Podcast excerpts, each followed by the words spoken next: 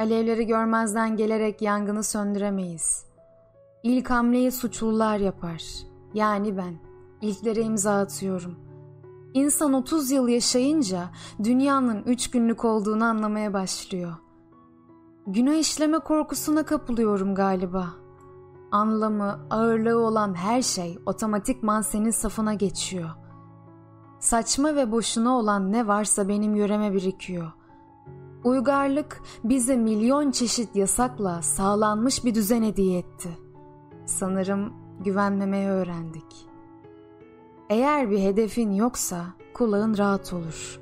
Kaybedecek bir şeyin yoksa kaybolmak seni bozmaz. Yenileceğinden eminsen rakibini ciddiye alman gerekmez. Notalar daima harflerden daha anlamlı, daha etkileyici. Sekoya ağacının kabuğu ateş geçirmezmiş. Sekoya ormanında yangınlar ağaçların içinde olup bitermiş. Şebnem, alevleri görmezden gelerek yangını söndüremeyiz. Şebnem, uzaya baharın gelmesi seni bulmama bağlı. Ne çok melek var yüzünde. Tebessümün için binlercesi çalışıyor olmalı. Niye böyle? Aşkın patlayan bir okyanusun tozları gibi saçılıyor.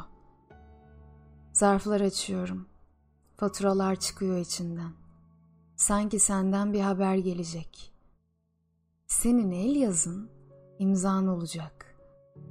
Şebnem, uçaklar geçiyor. Uçakları sanki sen kullanıyorsun.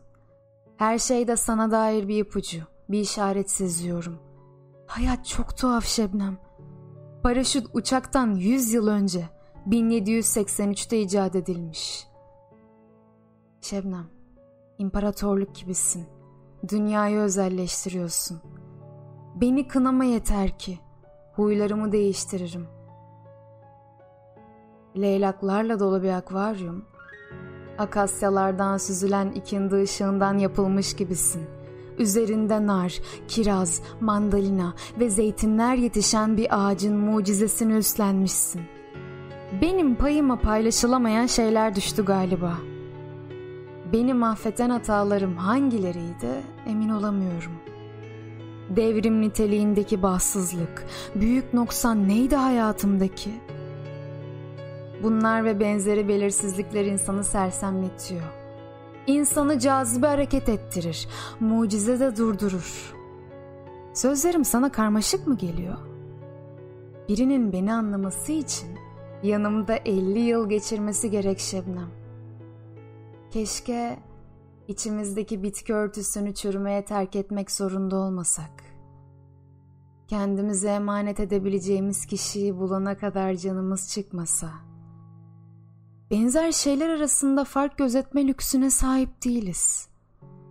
O kadar zekisin ki benim kurnazlığım senin dehanın yanında sığır. Bir devede kulak. Belki dileklerim gerçekleşmese de iyi bir insan olurum. Sanırım cehenneme gerçekten uğrayacağım. Fakat cennete yakın bir gölgesine.''